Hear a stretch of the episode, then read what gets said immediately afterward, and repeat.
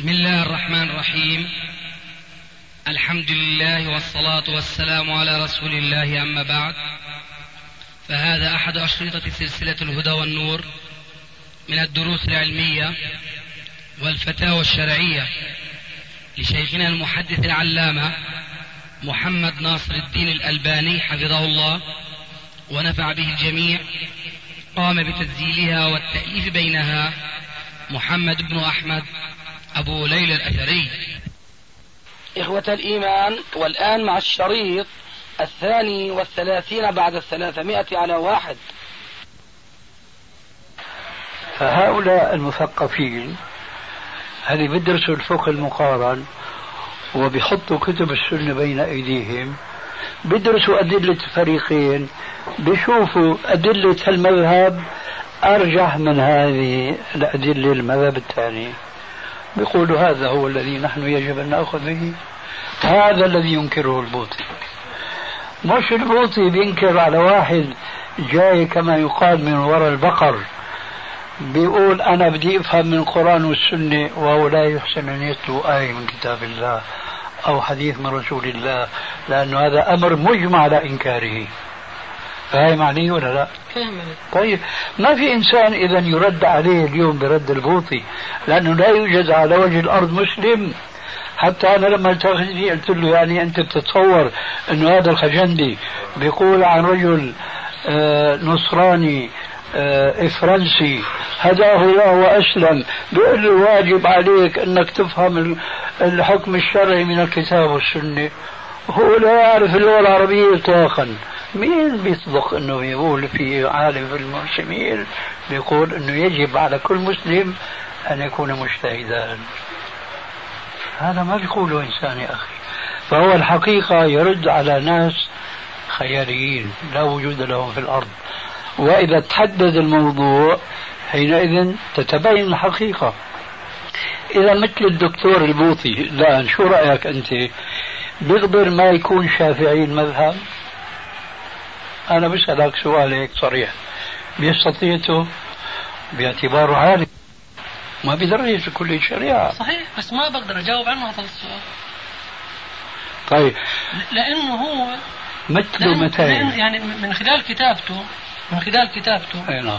إذا بدك أجاوب عنه من خلال كتابته. نعم. نعم يستطيع هو أنا عامل لك من خلال كتابته من خلال كتابته. نعم يستطيع يستطيع. نعم. واقعه ما هو؟ لا أعرف. أه نحن نعرف. هاي المشكلة.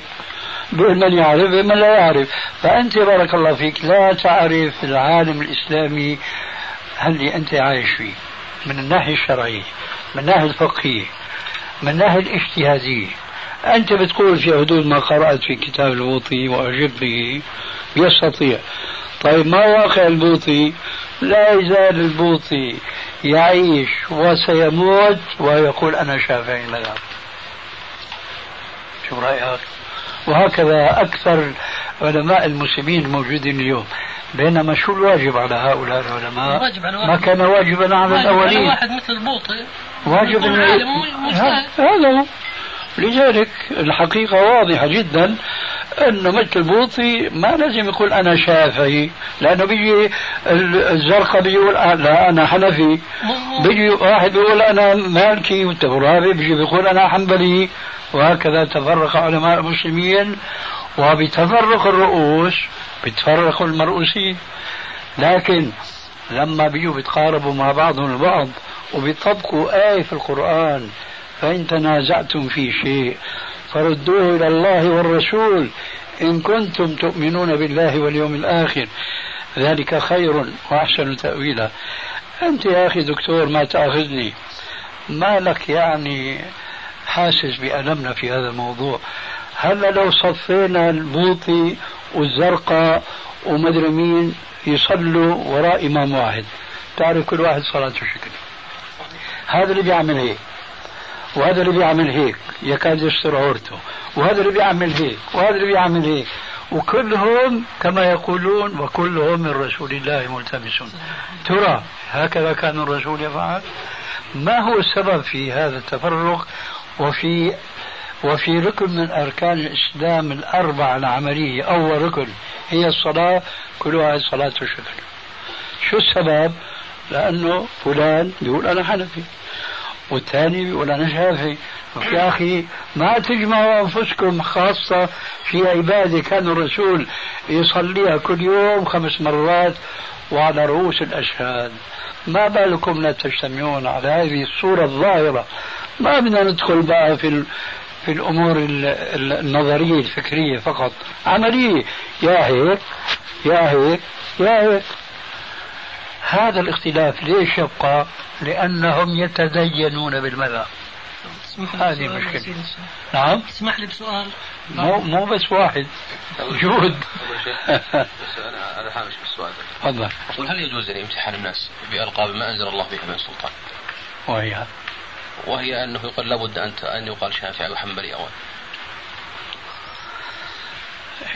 هذا دعوه الآن خلينا خلينا نسمع شوي هنا السؤال نعم تفضل. إيه، قرأت في كتاب لا بعتقد لأحد السلفيين ما لا أذكر اسمه بجوز آه، في ملحق رد على رسالة البوطي يمكن عباسي. محمد محمد يعني عباسي نعم. يدعو إلى توحيد المذاهب. لا مو صحيح. مو صحيح. عيد عباسي تلميذي. فأنا أدعو إلى توحيد المذاهب. هو هذا اللي أنا بيحيل الآن. أسألك أنت. أنت عارف شو الدعوة السلفية؟ لا ما مش ملم فيها صحيح مش أنا. بس. شوف شوف. أنا بسألك تعرف شو هي الدعوة السلفية؟ بتقول لست ملما بها. مثل إذا سألتك تعرف شو المذهب الشافعي؟ بتقول لي لست ملما بها. يا بارك الله فيك أنا ما أسألك عن الإلمام لأنه الإلمام شو هو؟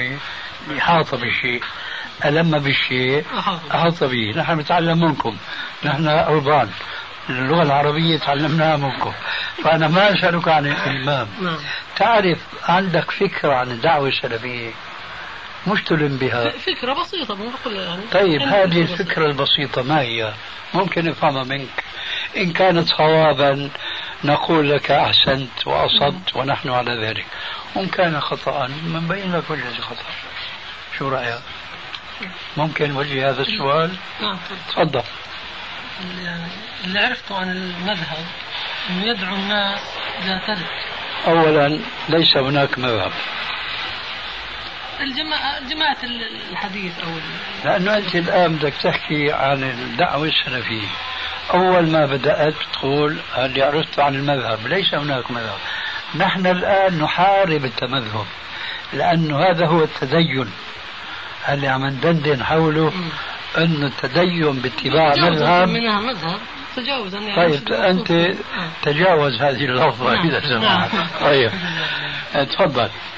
يدعو يعني تدعون الناس أيوة. إلى ترك المذاهب أو التمذهب فيها. أيوة. تركها نهائيا. أيوة. والعمل على أنه يعني كل إنسان آه، يعرف الحكم الشرعي ويسلك فيه ويطبقه حتى لو ما كان عالم وطالب طبعا هذا الحكي عرفت حاليا من عندك إنه هذا الحكي مش صحيح. طيب أنا بدي بدي بدي معلش شو كذلك لا بدي اللي فهمان وأنت يا أخي. بقول يعني هذا اللي فهم اللي كنت فاهمه وفهمته هلا مو عكسه. طيب. الشغلة الثانية اللي كنت أنا يعني مستاء منها أيوه. إنه الدعوة إلى توحيد المذاهب. إيه. والخروج برأي واحد إيه؟ حتى ما تتفرق الأمة. اي لا. وهذا الحكي بعتقد لو كان في مجال لتوحيدها إن كان ما اختلف الأئمة اللي كانوا متعاصرين. لأنه كانوا يعني هذه أسمح منا حاليا. هذه بضاعتنا ردت إلينا أسمح منا حاليا. وكان اختلافهم اختلاف آه، من أجل الدين مش من أجل أهواء مثل ما بيحصل معظم علمائنا لا أقول كلهم معظمهم لأجل أهواء شخصية بجوز. فقبل كانوا لا كانوا من أجل الدين ومن أجل الحفاظ على الدين. فلو كان في مجال لتوحيدها لكانت توحدت من أيامها. أرجو أنك توضحها سيدي جزاك الله خير. هذه بضاعتنا ردت إلينا. نحن بنقول في كتاباتنا ومحاضراتنا توحيد المذاهب مستحيل.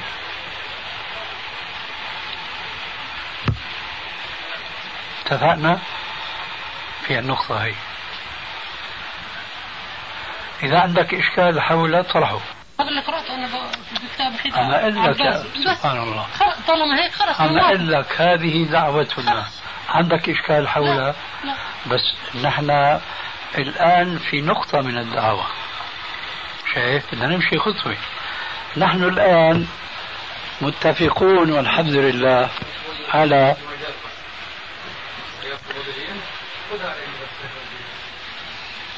على أنه يستحيل جمع المسلمين على مذهب واحد. هذا مستحيل. ما تأخذني راح أقول لك كلمة قد تكون نابية شوي لكن بقى برحابة صدرك بدك تحملها. نحن أعرف باستحالة هذا الشيء منك أنت. أكيد. ليش؟ لأنه عندنا حديث عن الرسول تفرقت النصارى اليهود على 71 فرقة والنصارى على اثنتين وستفترق أمتي على 73 فرقة. كلها في النار إلا واحدة. هاي الأمة الإسلامية. نحن بقى بنطلب التوحيد نطلب المستحيل. الآن أنت لازم تورد علينا سؤال. وإذا ما خطر في بالك السؤال أنا راح ألقنك إياه. إذا إذا كنا متفقين. إذا كنا متفقين على أن هذا مستحيل.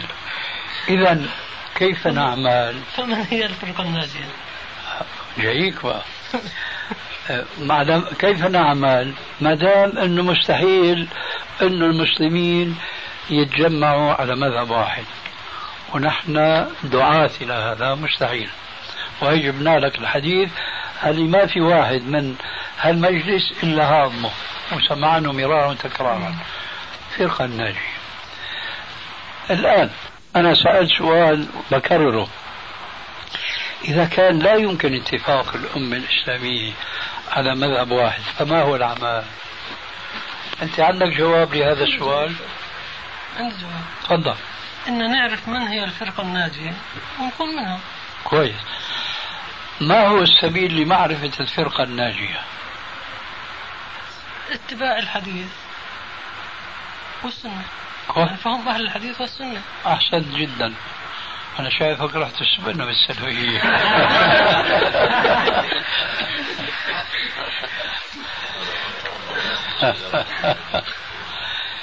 اتباع الحديث والسنة. بدي أرجع معك لواقع المسلمين. هل هم يتبعون الحديث والسنة؟ حتى يكونوا من الفرقة الناجية. المسلمين على حبتها بقى المسلمين جميعا ولا يعني لا نحن فصلنا لك المسلمين ثلاث أقسام القسم الثالث قصدك علماء طلاب علم جمهور المسلمين. عليكم السلام. قسم بيتبع وقسم ما بيتبع طبعا. ما هو الأكثر؟ الأكثر مش متبع. مش متبع. طيب. الأكثر الآن بيوافق الأقل ولا بيخالفه الأكثر؟ نعم الأكثر. بيوافق الأقل ولا بيخالفه معلش يعني أنت يعني. يعني عدم اتباع الأقل مش معنى ذلك أنه مخالف. ممكن واحد يكون موافقه رأيا ومخالفة عملا أنت عم تحكي هلا لزوميات بيلزم ما بيلزم. أنا مسألك هل اللي أنت قائم في ذهنك بيوافقه ولا بيخالفه؟ واحدة من تنتين. لا بخالف. طيب. ولا حول ولا قوة إلا بالله. لما بيخالفه بيعاديه ولا بيوده؟ يبدو خالف يبدو عادي. بارك الله فيك. خليك بقى بهالنقطة هي. فنحن ندعو الناس إلى ألا يحاربوا دعوة الحق. شو هي دعوة الحق؟ اللي أنت ذكرتها مش أنا. فأنت بقى الآن أنا بعطيك تنبيه آه، مرشح أنك يقال أنك خامسي. مذهب خامس يعني. يعني هو المذهب الواحد. أو مرشح أنه يقال لك أنك وهابي فخذ حذرك. خذ حذرك. شيخنا نعم. تتميم أو يعني شيء له صلة بالبحث تفضل. يعني كلام أو ذكر الدكتور البوطي في كتابه اللامذهبية يذكرنا بكتابه الآخر وهو السلفية. بارك الله فيك. فقد جعل عنوانا من أو بابا من أبواب كتابه عنوانه التمذهب بالسلفية بدعة. فبهذا العنوان هدم كتابه الأول. الله أكبر. فشيخنا لو نبذه هيك يعني موجزة عن كتاب السلفية والأشياء التي ذكرها في كتابه. والله أنا ما أذكر الآن التفاصيل خاصة الكتاب الثاني ما قرأته نعم. إطلاقا لكن العناوين هي كافية. أنا سألتك أخي آنفا أنه عندك فكرة عن الدعوة السلفية. الحقيقة يا أستاذ الدعوة السلفية هي في جوهرها دعوة المسلمين إلى الرجوع إلى ما كان عليه السلف الصالح من الحرص على التمسك بالكتاب والسنة فهما وعملا. نحن مع الأسف نعلم هي الحياة الطويلة عشناها مع مختلف الطبقات من المسلمين من علمائهم فمن دونهم. أن هذا الحرص مفقود تماما إلا من أفراد قليلين جدا في اعتقادنا هم الذين وصفهم الرسول عليه الصلاة والسلام في قوله في الحديث الصحيح إن الإسلام بدا غريبا وسيعود غريبا فطوبى للغرباء. الآن لأجل إزالة الشبهات والإشكالات ألا تظن أنت يا أستاذ أن الإسلام في غربة؟ طيب. الآن إذا هذا الحديث صدق فينا الآن. إن الإسلام بدأ غريبا ودا غريبا وسيعود غريبا. فطوبى للغرباء. لو سألنا سائل فقال لنا من هم الغرباء؟ نحن نعتقد أنه إن قيل هو كل متمسك بمذهب من المذاهب الأربعة لا يكون صادقا في هذا. لماذا؟ لأنه أولا هو يتعصب لإمام دون الأئمة الآخرين ويحصر الفائدة من إمام دون الآخرين. ثانيا وهو الأهم لا يصدق عليه تعريف الرسول الغرباء وقد سئل عنهم. فقال عليه الصلاة والسلام الغرباء هم الذين يصلحون ما أفسد الناس من سنة من بعده. فالآن وخلينا نكون صريحين كما جرينا في هذه الجلسة.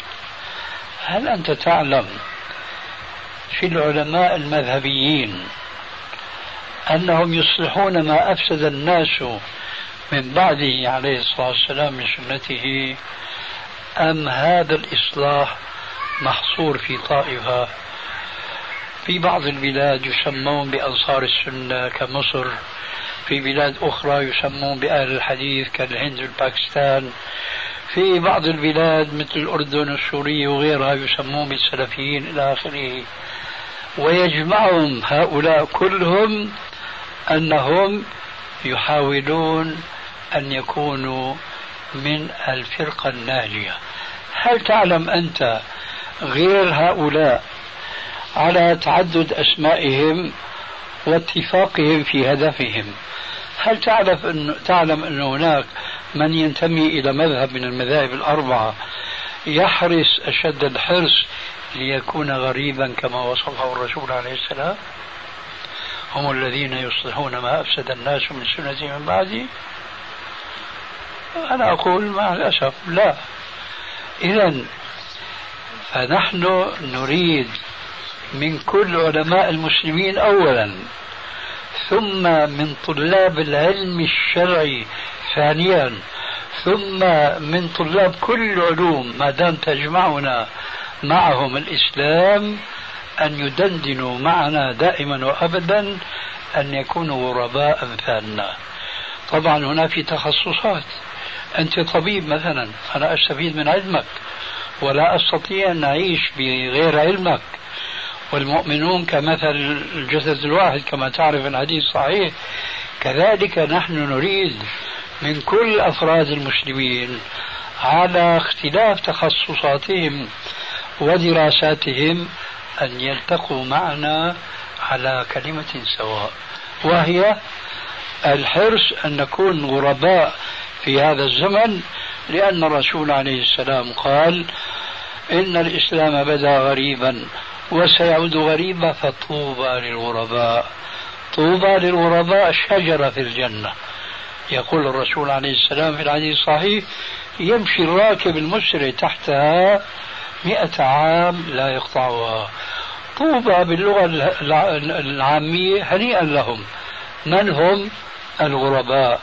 ما صفتهم يصلحون ما أفسد الناس من سنتي من بعدي. فإذا عالم من علماء المسلمين أصلح وأنت لست عالما في هذا المجال وحسبك ما أنت فيه من المجال من العلم يجب أن تكون معه أن تكون مستجيبا له في الدعوة. فحينئذ تدخل في تهنئة الرسول عليه السلام لهذا لهؤلاء الغرباء. تفضل يا دكتور. سيدي الشيخ أنا في هذا الوضع يعني يعني تساؤلات كثير. أنا أرى بأنه السلفية تقول بأن يجب أن لا نتبع المذاهب الأربعة وأن توحيد هذه المذاهب لا يمكن أن يحصل.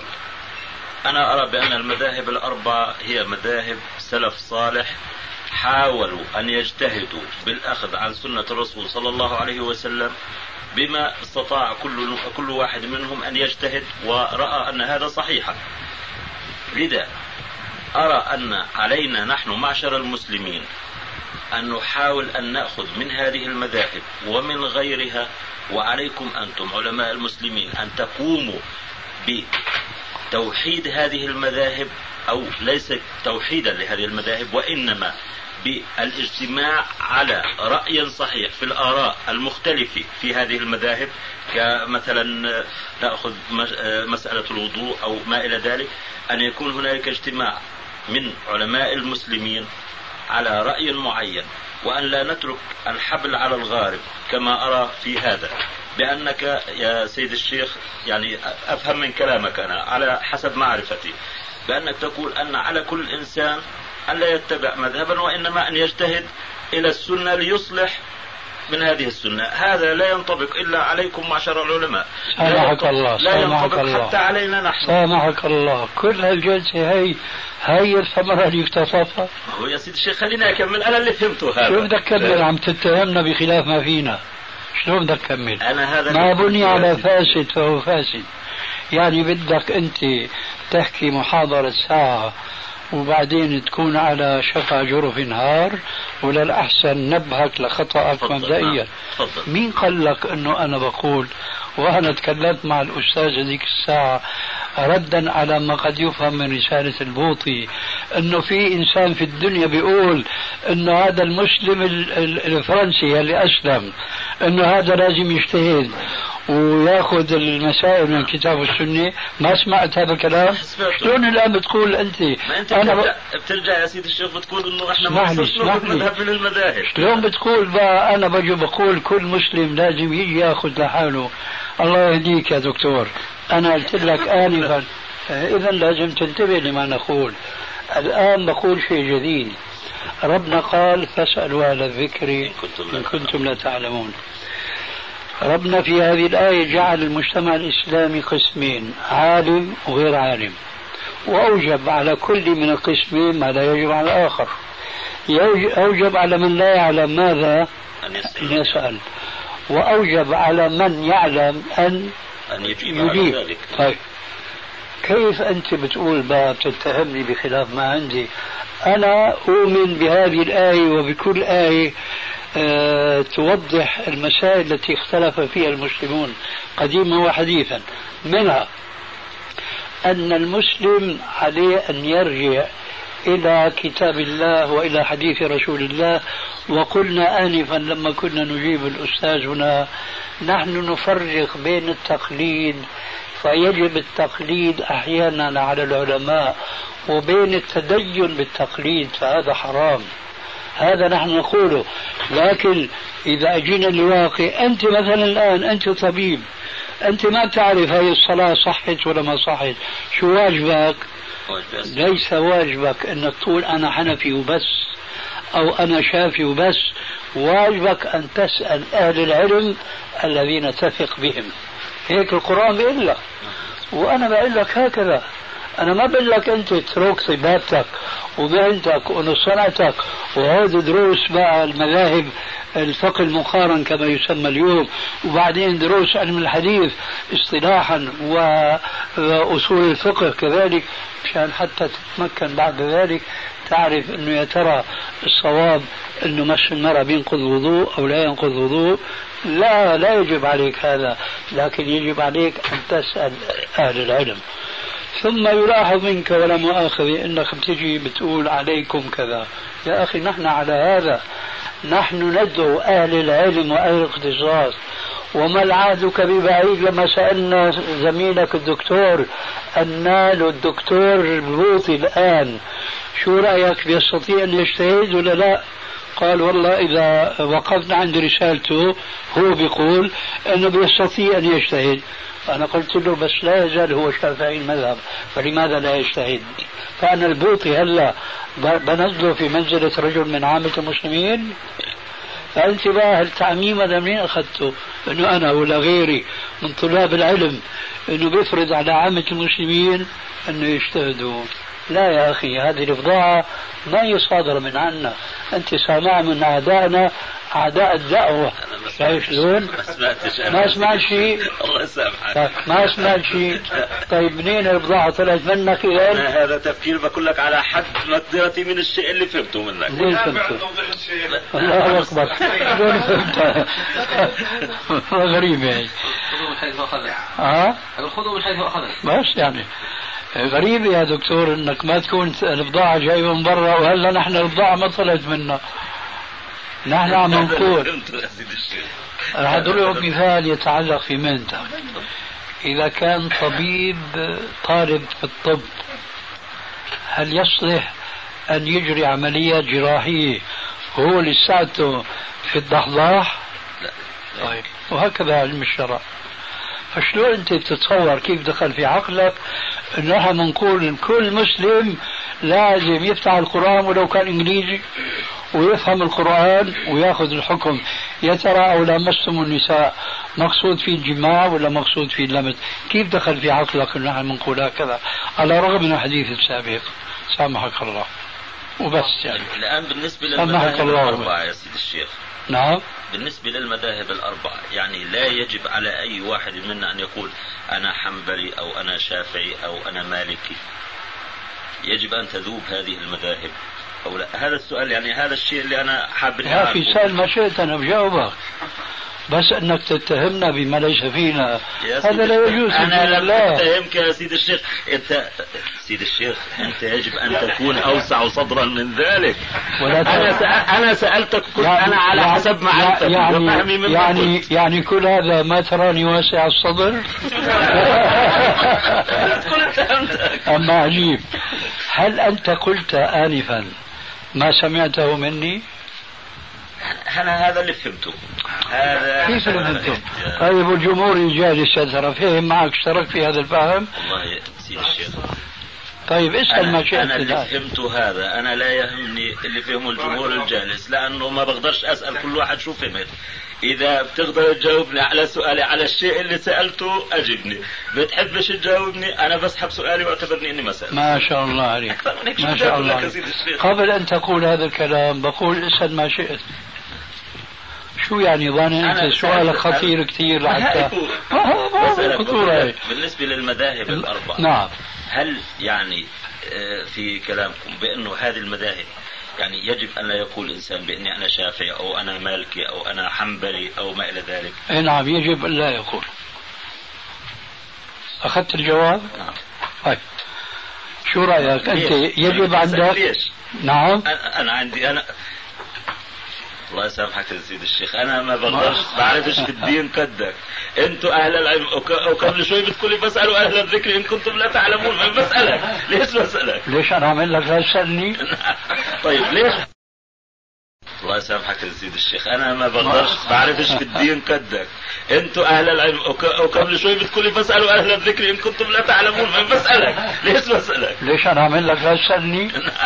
طيب ليش ليش ما ليش ما بصيرش أنا عم أقول لك لا تسألني لا. لكن يا ترى إذا قلت لك اسالني نعم. ما بيجوز أنا أسألك؟ اسأل طبعا. وهذا عم أفعله معك. أنا عم أقول لك مثل ما أنت يجوز أن تسألني وعم أقول لك سلني بما شئت لكن هل هذا يعني إنه أنا ممنوع أن أسألك؟ لا مش ممنوع اذا لماذا تستنكر اني اسالك؟ أنا بعد ما أجبتك بقول لك أنت شو رأيك؟ أنا أنت أنا رأيي بما قلت أنت كإنسان من أهل الذكر وأنا لا أعرف فيجب علي أني أخذ بالشيء اللي قلته لأني لا أعلم أكثر من هيك لكن أنا بدي أسألك سؤال ليش يعني إنه بصيرش نحكي شو شو رأيك يا أبو ليلى؟ تسمعوا كلامه الأول. حتى يعرف الدكتور عم يتناقض في كلامه. لأنه بدأ يعمل محاضرة إنه أنتم أهل العلم لازم تعملوا كذا وكذا. شايف؟ هو الآن بيجي بيقول فاسالوا على الذكر إن كنتم لا تعلمون. أنا يا دكتور أجبتك لا يجب فإن اقتنعت فبها ما اقتنعت سأل حتى جاوبك بتريد التفصيل؟ قلت بتريد التفصيل. والله أنا حاب أعرف لماذا يعني. اسألها عدم عدم اتباع مذهب بعينه يعني. ليش نقول ما بصيرش إنه نقول إنه أنا حنفي أو أنا مالكي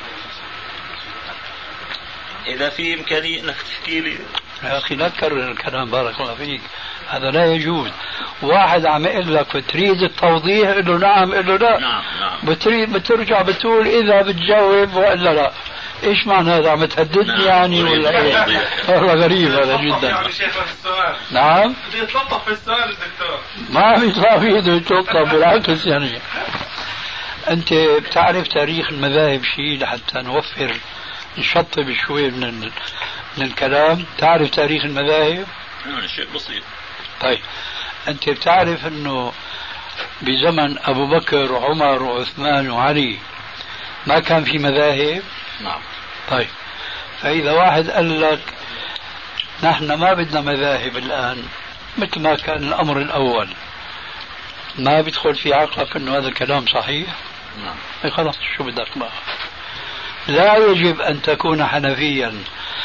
ولا شافعيا ولا مالكيا ولا حنبليا ولا غير مذهب شيعي وزيدي ونحو ذلك. لكن نحن اليوم نقتصر على ما فينا لأنه ما فيش حتى لا يجب على المسلم أن يكون حنفيا.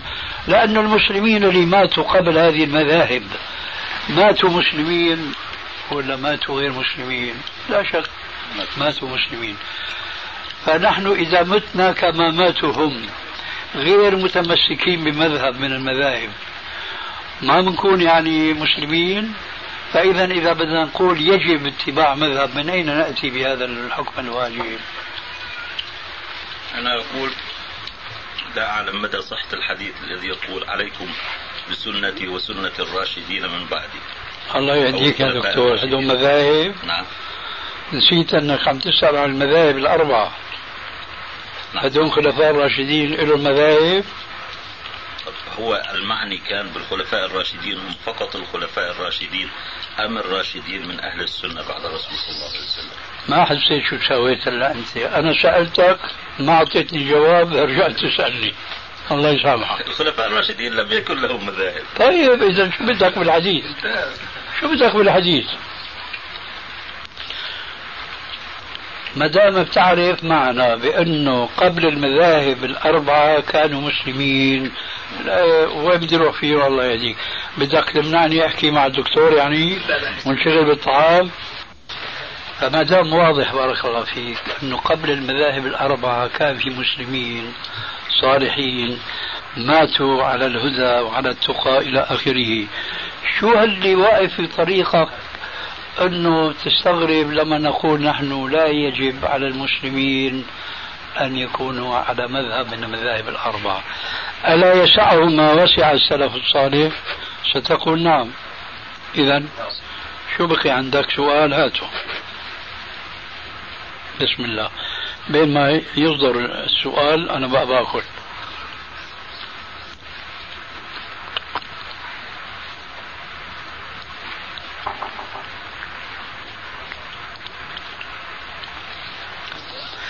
والغريب في الموضوع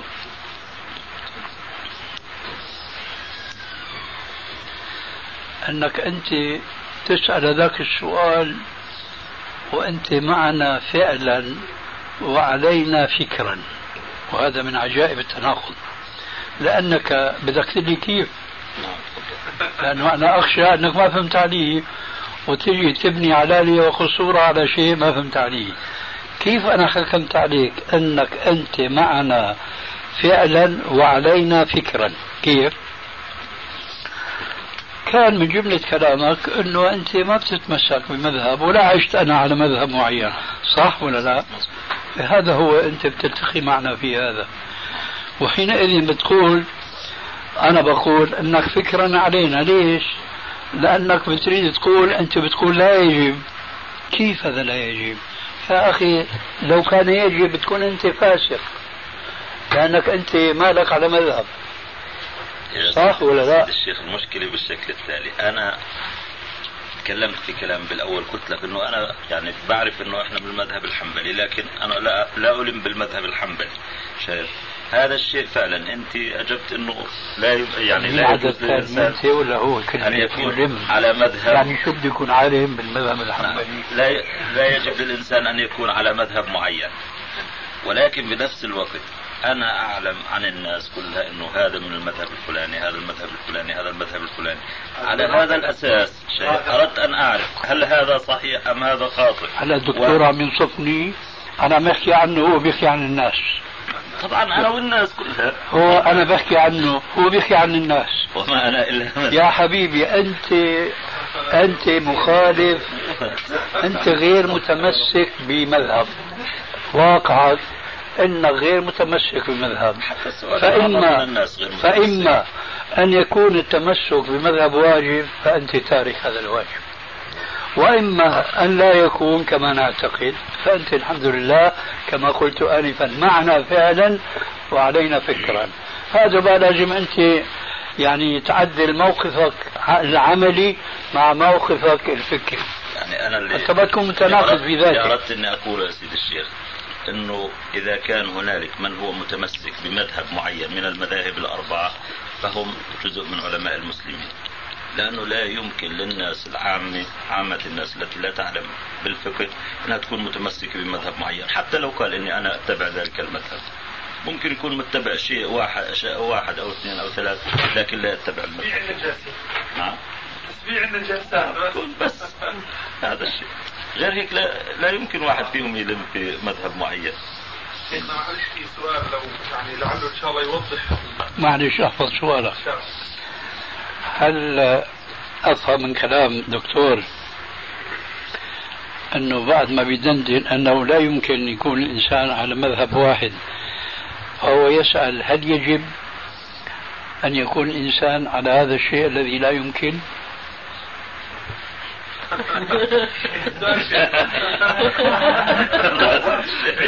شيخ معلش احسن سيدي الشيخ بحطك محاورة معه أنا اسال سيدي الشيخ لا عفوا. أنت إخواننا دون اللي نعيش معهم كثيرا. بيعرفوا إنه من كلامي معهم أنه إذا طلبوا مني شيء أقول لهم أنا بتعرفوا ترى ما بالأمزح بمعنى أستجيب فورا. لكن أنت الظاهر ما عرفتني ولذلك صرت تحمسني بزيادة إنه إذا كان تقدر تجاوبني وإلا أنا بمسك سؤالي.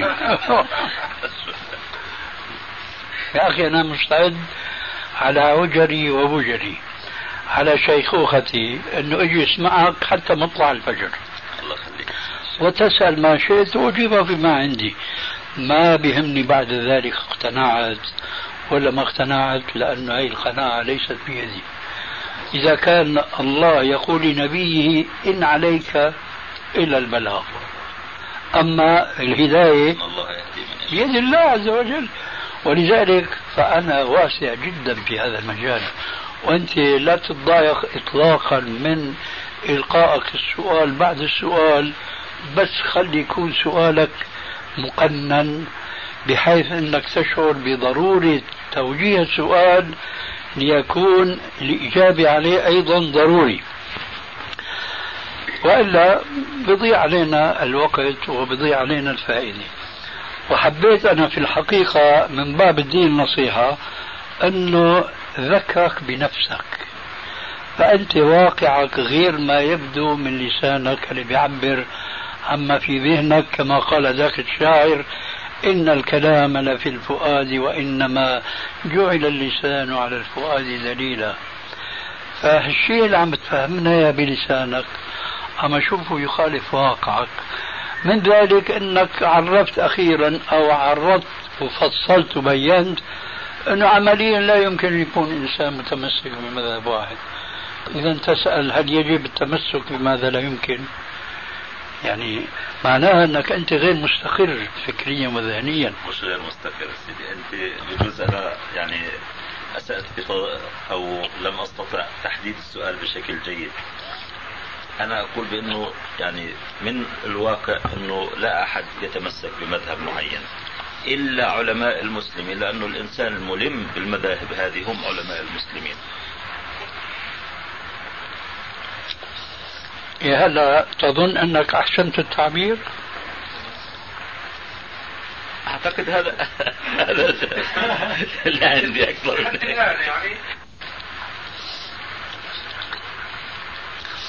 راح تشتغل بالأكل. أزيدك يا شيخي.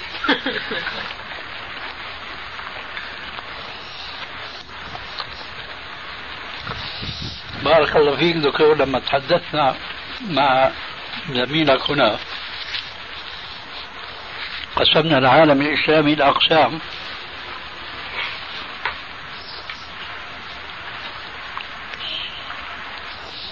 حطينا العلماء في القسم الأول.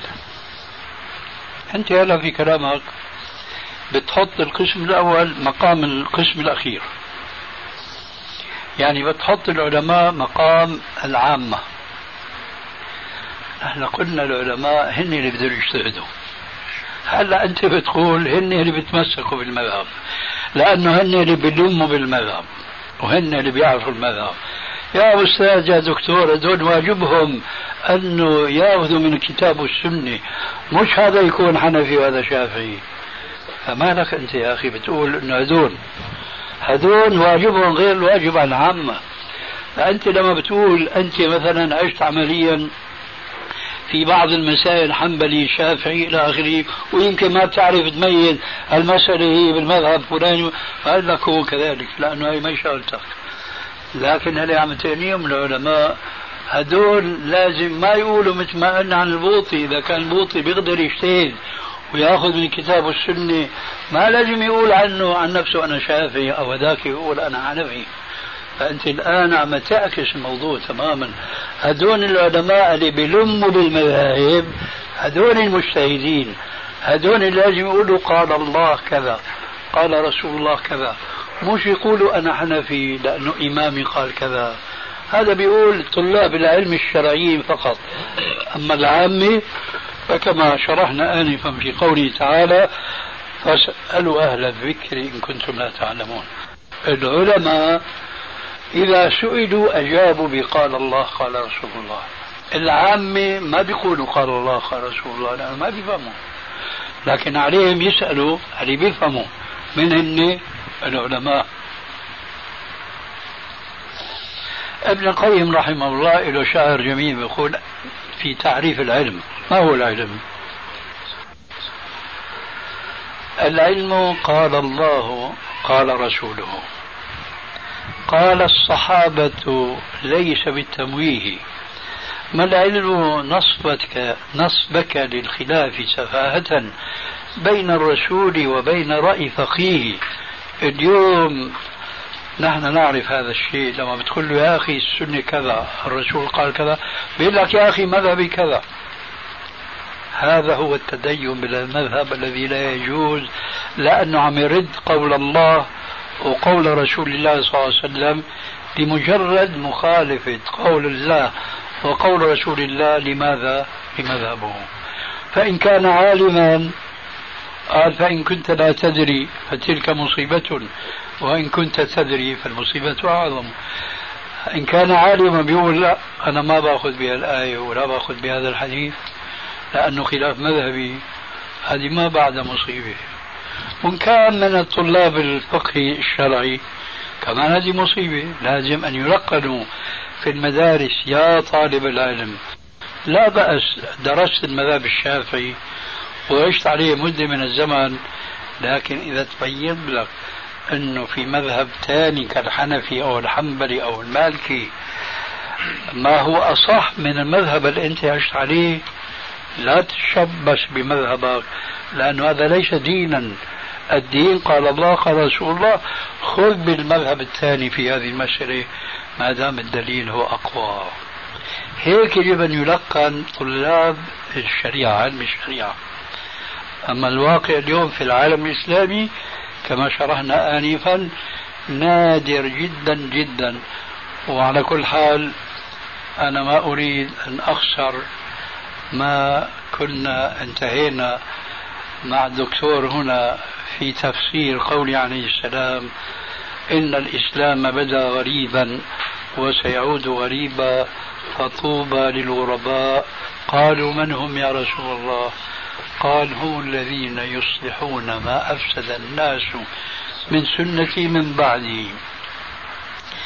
فأنا أرجو أن نكون جميعا من هؤلاء الذين يصلحون ما أفسد الناس من سنتي من بعدي. طيب في عندكم شيء يا أخواننا؟ نعم على الزيادة الأخيرة هذه وهي؟ ما أفسد الناس من سنتي؟ هي صحيحة؟ هي ثابتة نعم.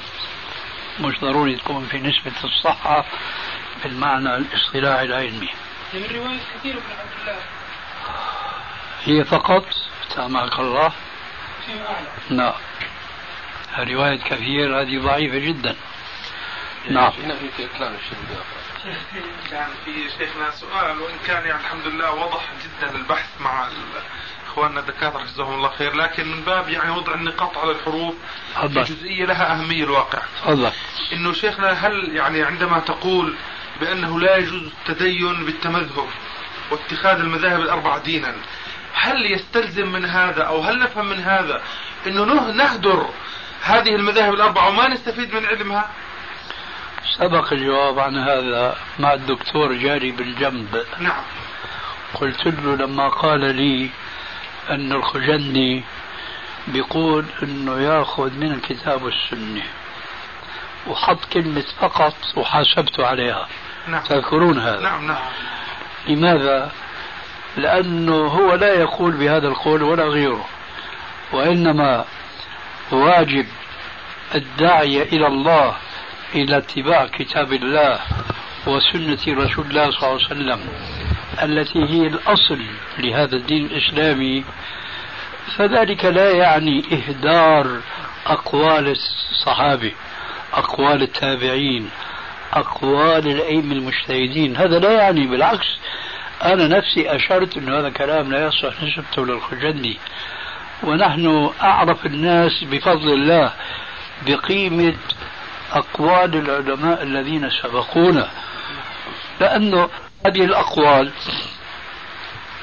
أقل ما يقال فيها منها ما يصح منها ما لا يصح. منها ما يوافق الكتاب والسنة منها ما لا يوافق الكتاب والسنة. ذلك لأن العلماء جميعا متفقين على أن الحق لا يتعدد. فإذا جاء قولان مختلفان يضطر أحدنا حينئذ أن يوازن بين القولين هذول.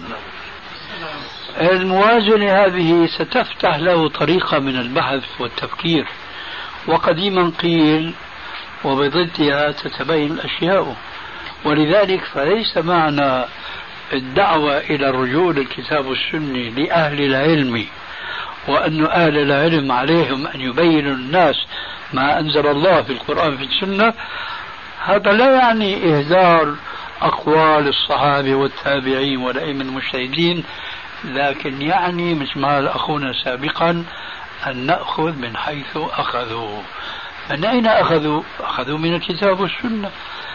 فإذا نحن هذا جواب سؤالك بإيجاد إذا نحن نستعين بأقوال العلماء الصحابة والتابعين وأتباعهم والأئمة المجتهدين. ليس الأربعة بل والأربعين والأربعمية والأربعة آلاف لأن الأمة الإسلامية ما شاء الله فيها كما يعلم طلاب العلم البركة من أهل العلم. نستعين بأقوال هؤلاء العلماء لفهم أصح الأقوال الموافق للكتاب والسنة. مما اختلف فيه الناس. لعلي أجبتك ولعلنا بعد وضعنا النقاط على الحروف. طيب وإياكم. طوبى شجرة في الجنة. كيف؟ طوبى شجرة في الجنة. أنا أعرف تتمة الحديث آه، ثياب أهل الجنة تخرج ثياب أهل الجنة من أكمامها. نعم. أما ذاك حديث آخر إن في الجنة شجرة يسير الراكب يعني حولها وفي رواية في ظلها مئة عام ما يقطعها. فما أدري ذكرتم آه، طوبى شجرة في الجنة يسير الراكب أنتم إلى آخره. فما أدري إن كان هنالك يعني تداخل بين الروايتين أم هنالك رواية مستقلة. كيف يعني؟ ما أنا ما فهمت سؤالك. شو اللي متداخل؟ الحديث طوبى شجرة في الجنة آه، تخرج ثياب أهل الجنة من أكمامها. كويس. آه، سمعت منكم تقولون طوبى شجرة في الجنة يسير الراكب يعني حولها مئة عام ما يقطعها بهالمعنى فهذا يعني أنا أحفظ أنه حديث آخر مستقل يعني عن ذاك. هو كذلك. إيه نعم. إيه هو كذلك لكن شو الإشكال؟ الإشكال أنه طوبى شجرة في الجنة تتمة الحديث آه، تخرج ثياب أهل الجنة من أكمامها. إيه بس أنت بارك الله فيك. أما تقول من جهة تعترف أنه هذا حديث آخر. إيه، فإذا كان حديثا آخر فلا إشكال. بمعنى هل آه، يعني لا يمكن أن يقال بأن طوبى من الضخامة والسعة بحيث أنه يسير الراكب المجد آه، تحت مئة عام لا يقطعها وأن هذه الشجرة يخرج منها ثياب الجنة في منافاة لا منافاة. إذا نعم. أنا أفهم أن سؤالك مو هذا الذي طرحته. كأنه كأنه سؤالك تريد أن تقول هل هناك حديث آخر غير حديث الأكمام المفسر لشجرة طوبى الجواب بداهة نعم. واضح؟ طيب. شيخنا أنا اللي فهمته في باقي كلماته غير هيك. أنا هيك كمان. لكن لكن لكن إذا سمعت شو رأيك هو نعم على كلامي هذا. ما أدري شو السبب فيعمل على كلامي ولا يرفض هذا. طيب ممكن. نعم. شوف إيه. شيخنا هو بيقول إنه في حديث إن في الجنة شجرة. طيب. يسير الراكب في ظلها أو حولها مئة عام. هو بيقول- في آه قال جاب هذا الحديث. أنا بقول هيك هو نعم على كلامي. إيه. معلش شيخنا طيب تفضل. فما في حديث آه. في كلمة طوبى بتسمية هذه الشجرة. وإنما الحديث آخر فيه ذكر طوبى أنه يخرج من أكمامها. إيه هو هيك لا شيخنا اللفظين يعني الشيخ قال كذا طوبى شجرة في الجنة يسير في أنا فهمت. بس كلمة طوبى يقول لك كلها. إيه، إيه، إيه. هذا هو قصدي. إشكاله إنه ما في حديث فيه كلمة طوبى لتلك الشجرة. من هو الشيخ يقول في حديث لهذا أو في حديث لهذا أي نعم. يعني هاي سؤال إنه تثبت يعني يسألك هل في حديث هكذا ولا ما لا؟ أخذ الجواب لذلك بارك الله فيك هو نعم على جوابي. نعم عندك ونعم في عندي آه، أنا ما فهمت إنه في حديث بهذا اللفظ انما فهمت إنه المعنى العام المعنى إنه هذه طوبة لا تنافي أن تكون من الضخامة بمكان. وهناك حديث آخر. كما سمعته كما سمعته أكثر من مرة. طوبى شجرة في الجنة يسير الراكب المجد تحتها مئة عام لا يقطعها. فحديثي فحديثي يسلم على حديثك وحديثك يسلم على حديثي أي فيلتقيان ويتصافحان الحمد لله. الحمد لله.